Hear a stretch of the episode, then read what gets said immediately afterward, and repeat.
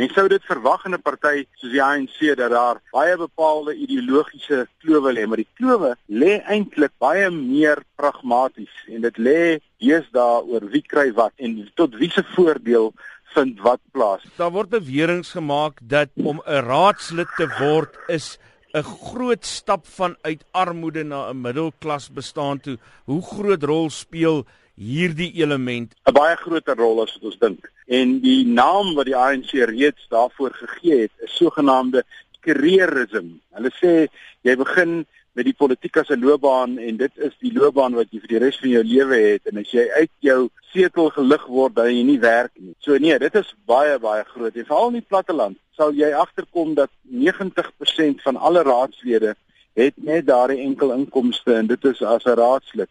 Terwyl as 'n mens na die DA kyk, gaan jy kry dat omtrent 80% van al hulle raadslede is of 'n professionele persoon in eie reg of hy het 'n ander betrekking of hy's 'n sakeman en dien ook as 'n raadslid. Is daar 'n verskil en speel dit 'n rol in die kering van raadslede tussen byvoorbeeld die DA, die ANC en ook die ander politieke partye? Ek dink die politieke partye met die mees gesofistikeerde keuringsstelsel sal die DA wees. By die ANC lê op papier is daar 'n keringstelsel, maar in praktyk gaan dit oor watter faksie jy verteenwoordig en wie se belangegroep beweeg jy uh, in die provinsie waarin ek myself bevind Noordwes was hier al verskeie politieke moorde gewees. Hoe nou verbind is die beginsel van patronaatskap aan hierdie tipe faksievorming waaroor berig word in die ANC?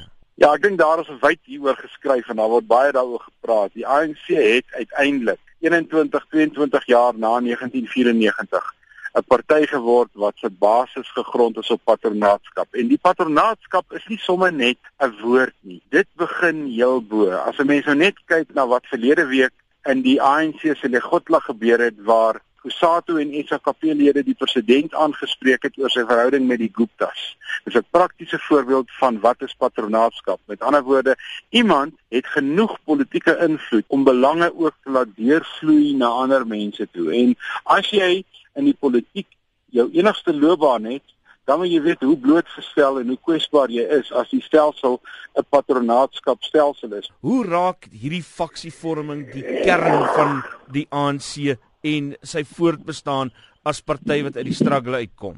Ek het so rukkie gelede 'n bietjie gaan navorsing doen oor die verskillende verslae wat die sekretaris-generaal van die ANC by elke jaar se vergadering gee en elke 4 jaar by hulle groot kongresse en elke keer is die hele kwessie van faksievorming word uitgewys as 'n baie groot gevaar vir die ANC So die ANC is pynlik bewus van faksievorming en hierdie faksievorming is nie net beperk tot die Wes-Kaap nie. Dit kom voor in die Noordwes en Mpumalanga en Limpopo is dit baie keer nog erger as in die ander provinsies. En uiteindelik het faksievorming veroorsaak dat Limpopo jaar wat gelede heeltemal disfunksioneel geraak het en in die Oos-Kaap presies dieselfde. So faksievorming het die groot nadeel dat dit vertraag besluitneming en dit maak sinvolle bestuur van 'n provinsie of 'n dorp of selfs 'n land heeltemal onmoontlik want niemand sien kans om 'n besluit te neem nie. So faksievorming het 'n geweldige impak.